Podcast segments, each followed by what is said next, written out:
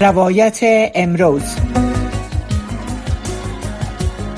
روایت امروز.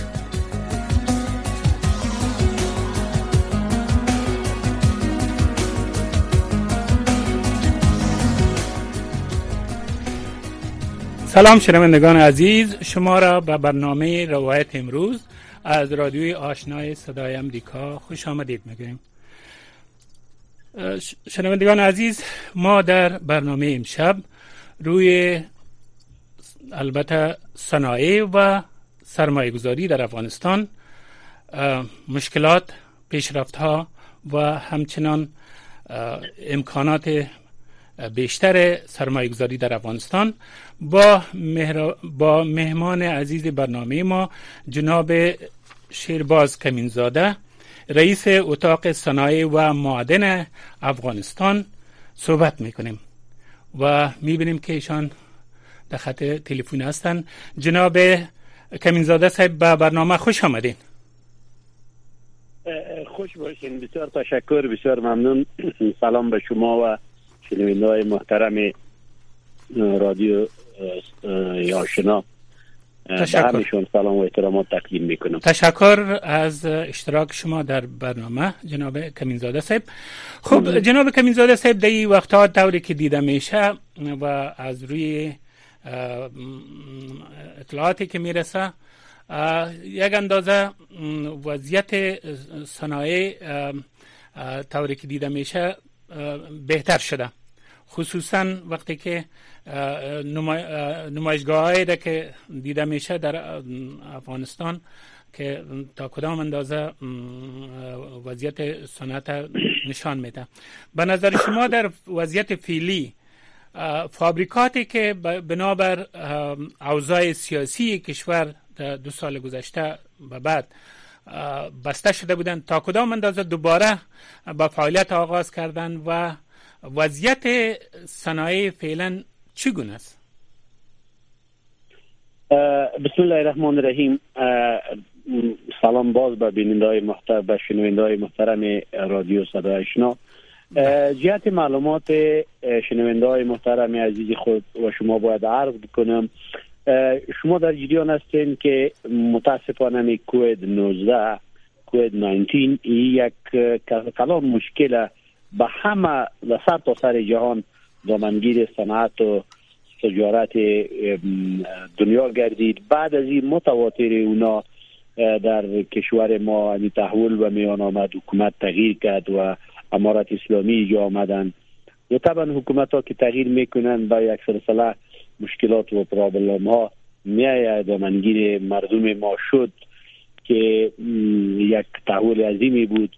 و این همه صنعت ما در اوایل قدر خوب نبود. اما آهسته آهسته الحمدلله حالا به گذشت روز صنعت افغانستان یک حرف برای گفتن داره.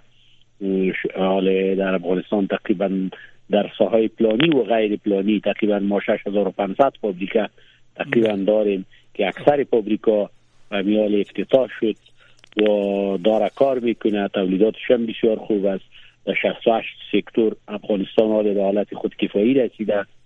و 20 سکتور ما حال صادرات داره. الحمدلله و کشورهای آسیای میانه و حتی به همه دنیا صادرات داره. شما می‌بینید و پاکستان و سایر ممالک. بالخصوص در صنایع استخراجی هم بله. با آمدن امارت اسلامی بله. صنایع استخراجی ما واقعا رشد قابل ملاحظه کردن. بله. خب جناب کمینزاده صاحب همی آخرین سخنی را که شما گفتین و او مسئله استخراج مادن بود. طوری که شنیده میشه یکی از یکی از خواستای حکومت از کسایی که در بخش استخراج معادن کار می‌گیرن پروسس مواد است. مثلا هر چیزی که از افغانستان استخراج میشه معادن اونا باید تا در افغانستان پروسس صورت بگیره آیا امکانات پروسس این مواد کانی یا معدنی در افغانستان با این وضعیت سرمایه گذاری و صنایع امکان داره؟ جهت معلومات شما ما اتاق صنایع و معادن افغانستان. بله. در روزهای اول تقریبا یک سال قبل با وزارت محترم معادن و پترولیم با وزیر صاحب با شخص وزیر صاحب بارها و تماس شده ایم یک سلسله پیشنهادات داشتیم به خاطر آینده کشور خود به خاطر آینده اولادی کشور خود. بله. که مو پیشنهادات ما اکثر اکثرشان هشت پیشنهاد داشتیم. از او هفت پیشنهادش پذیرفته شد. برای ما گفتن که بالکل صحیح است که از این پیشنهادات ما یکی هم بود که معادن کوچک باید شما به صنعتکارای داخلی بتین چون صنعتکارای ما الحمدلله تجارب کافی در استخراج و پروسس معادن کوچک داره. بله.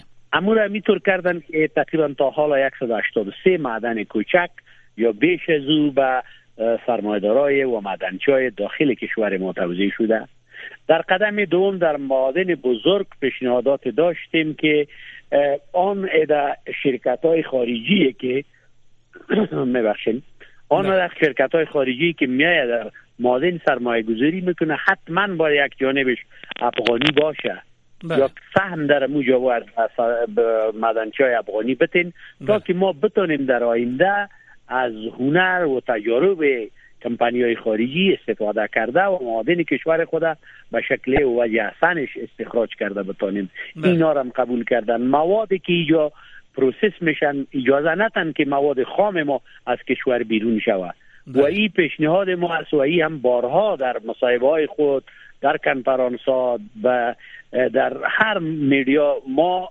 بارها همی مصاحبه کردیم با مسئولین امارت اسلامی امیر وقتا په وقتا یادآور شدیم که باید مواد خام ما به شکل خام از کشور بیرون نشود.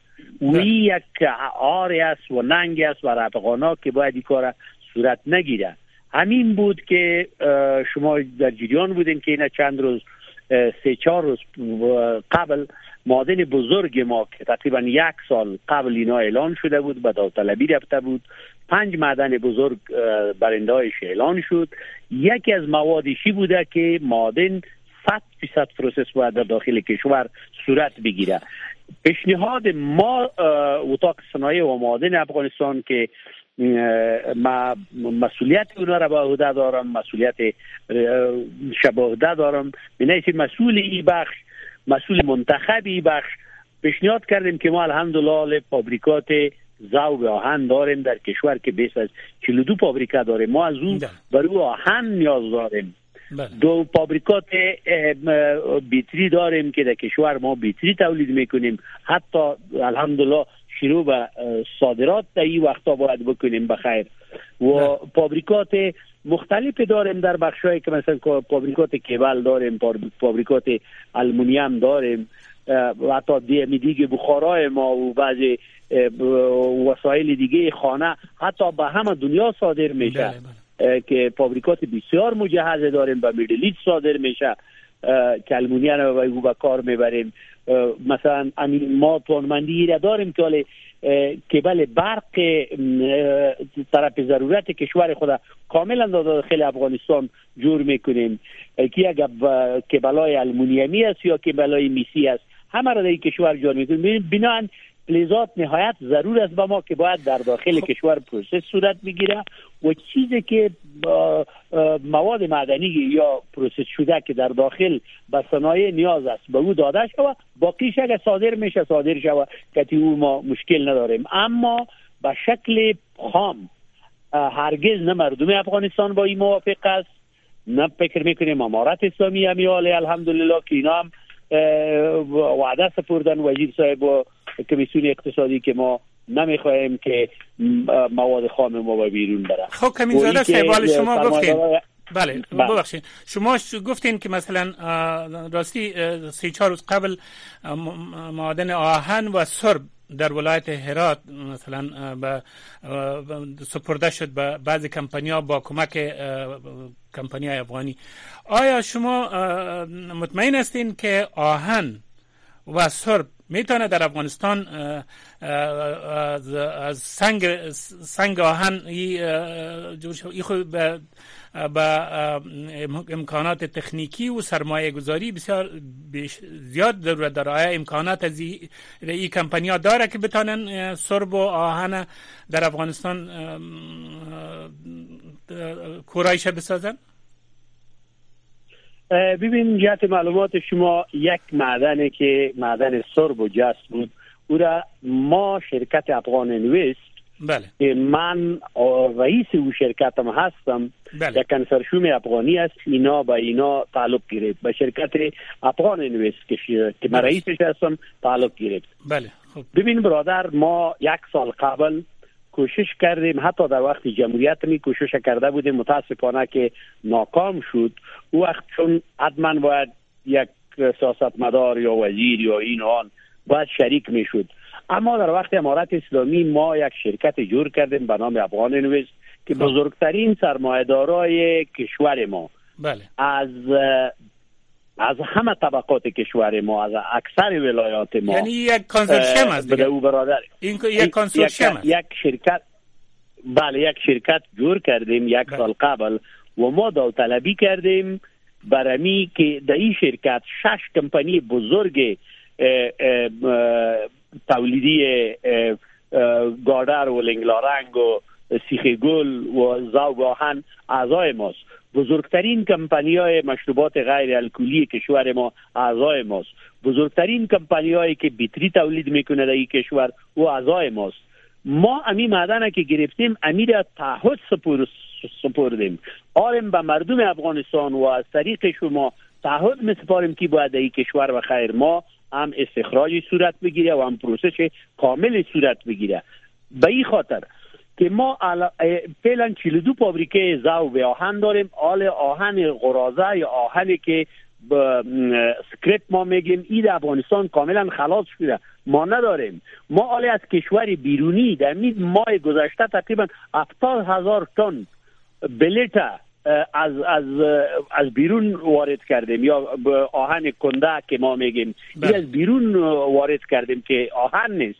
ما وقتی که این معدن می‌گیریم مجبور هستیم به پابریکات خود آهن تولید کنیم. بله, بله. آهن پروسس کنیم که تا پابریکات ما بچله.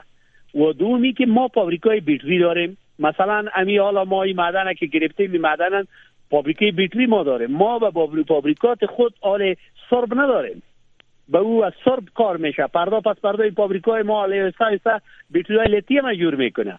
ما باید یا پروسس داشته باشیم تا که ما به عوض که ما لیتیم به شکل خام صادر می‌کنیم یا سرب به شکل خام صادر می‌کنیم یا جسته یا با شکل پخته باید صادر کنیم. خب. و این خوش هستیم به سرمایه‌دارای بیرونی که بیای امرای ما مشارکت کنه. به عوضی که افغانستان اجازه نمیته و مردم افغانستان هم به اجازه نمیته بیایم اینجا تولید کنیم. به عوضی که سرب در چهار چیزی که ضرورت است و می هشت فابریکه که در سر تا سر کشور ما داریم به این باید سربشان بتیم. از او کده به شد با صادر کنیم. ان انشالله به ایده ایده انشالله تعهد مسپاریم اگر خواست خدا بود که و یک آرزوی دیرینه از خداوند تبارک و تعالی این توفیق به همه ما بته بالخاصه که ما حال کمر بستیم که برای اولین بار در کشور عزیز خود معادن بزرگ خود 100 درصد process ش استخراج و process در کشور کنیم تا تولید نهایی برسانیم. خب انشالله با امید موفقیت شما جناب کمیزاده صاحب. خب حالا میایم سر موضوع امی فابریکاتی که در افغانستان است و شما گفتین که در چندین در 68 سکتور افغانستان خودکفا شده. خب وضعیت marketing یا بازار محصولات افغانستان تا کدام اندازه بهبود یافته؟ یعنی در گذشته یک مشکلی بود که مجموعا در کشور مردم با کمتر با صنایع داخلی علاقه می گرفتن و یک نام می گذاشتن سرش. حالا که دیده میشه صنایع افغانستان خوشبختانه به استاندارد بین‌المللی همیش و تا بهتر از کشورهای همسایه ساخته میشه. در قسمت بازاریابی تا کدام اندازه هنوز هم مشکلات موجود است؟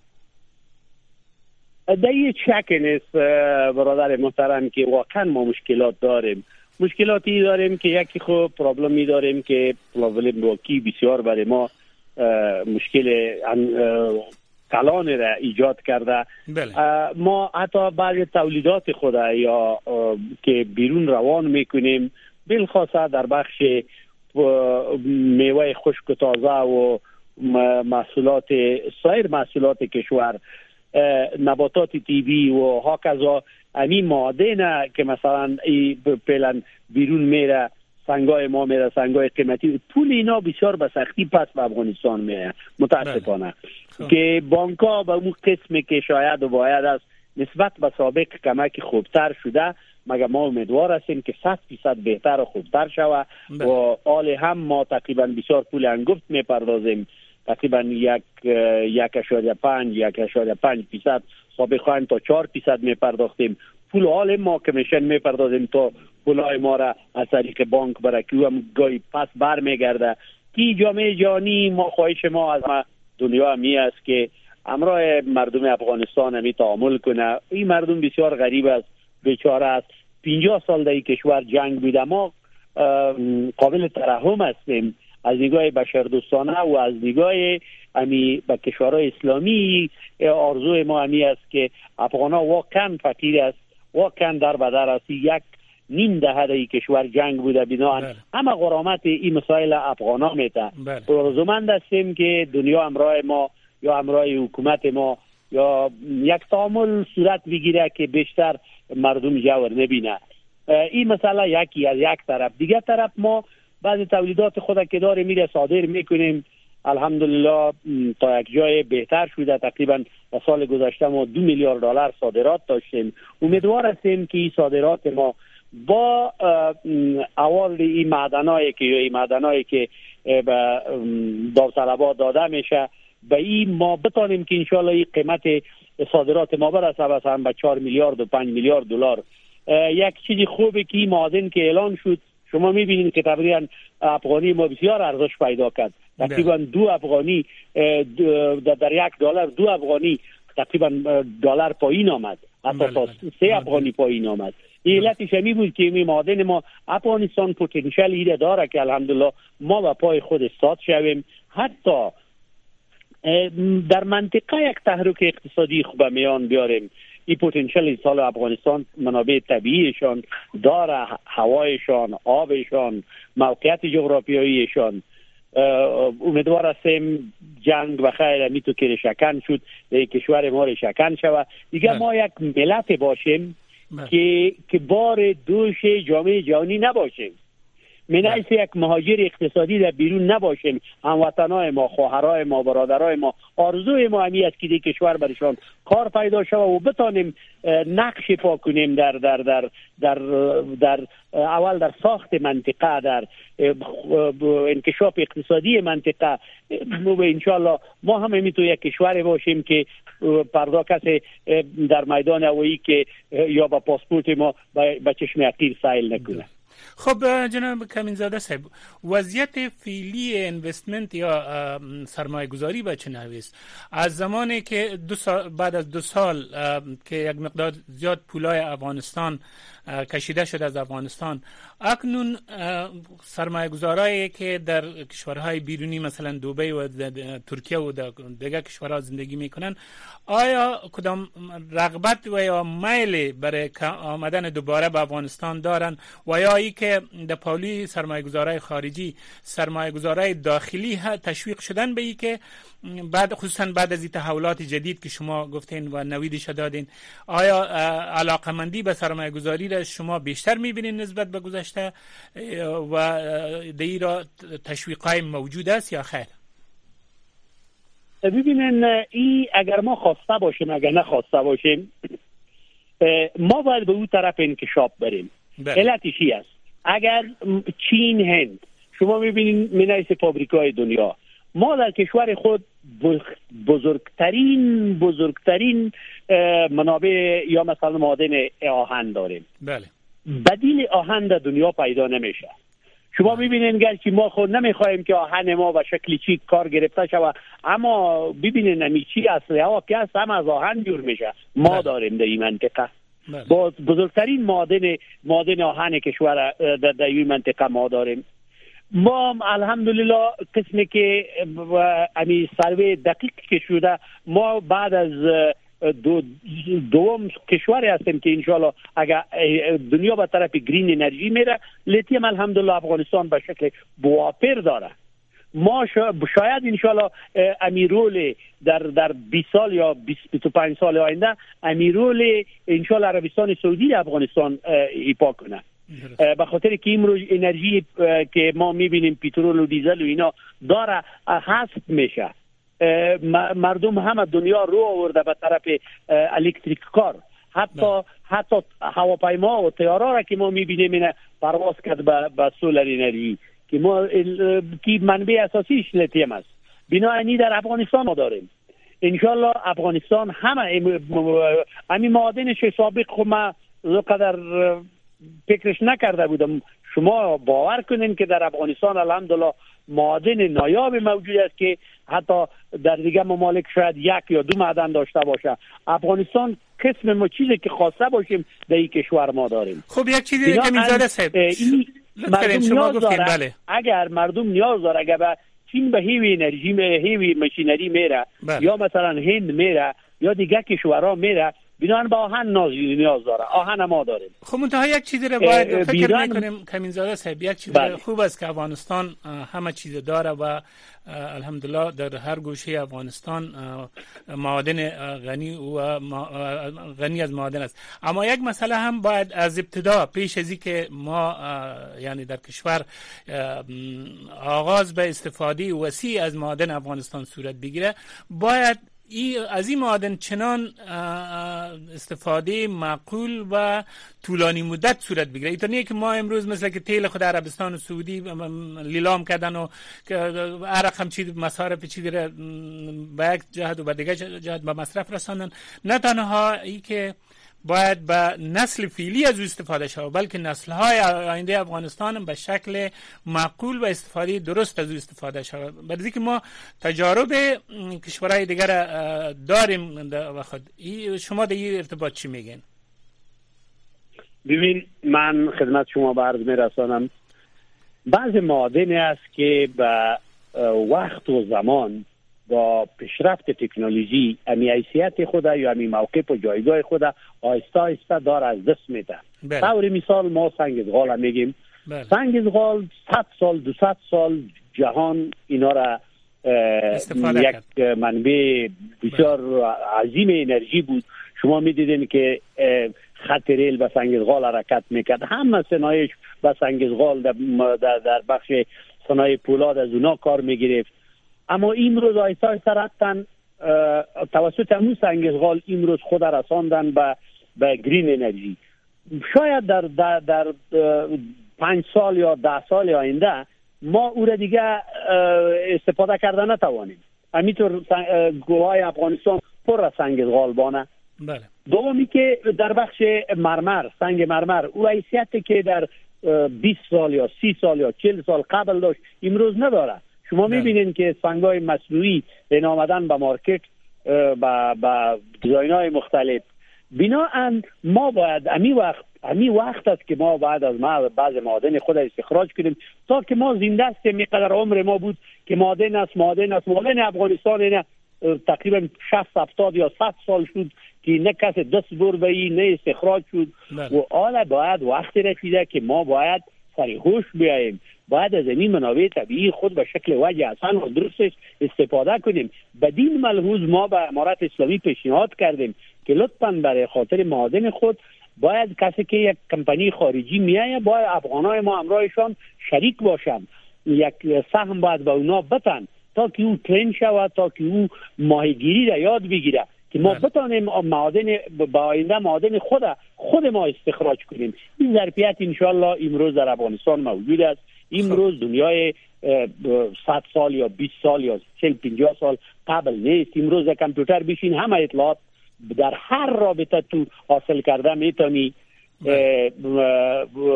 عصر و عصر انفارمیشن تکنولوژی ما ما الحمدلله امکانات داریم هیچ کسی تصور نمی‌کرد که افغانستان یک بره به طرف صنعتی شدن اما. الحمدلله ما امروز می‌بینیم که افغانستان این پتانسیل داره که ما به طرف صنعتی شدن میریم خب. حتی ما بارها گفتیم انکشاف پاکستان اکتشاف اقتصادی پاکستان بدون افغانستان لا محال از خواب و خیال از جنون است. به خاطر که منابع طبیعی نداره خیلی از همون ریسورس بسیار خوب داره اما منابع طبیعی نداره. و انرژی ارزانه که گرفته می‌تونه می‌تونه از انرژی افغانستان و یا از طریق افغانستان استفاده کنه.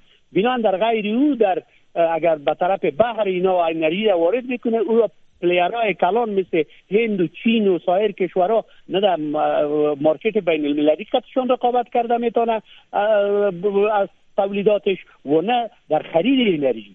بناهن افغانستان می‌تونه یک نقش بسیار مهم و مهم در در در منطقه را بازی کنه.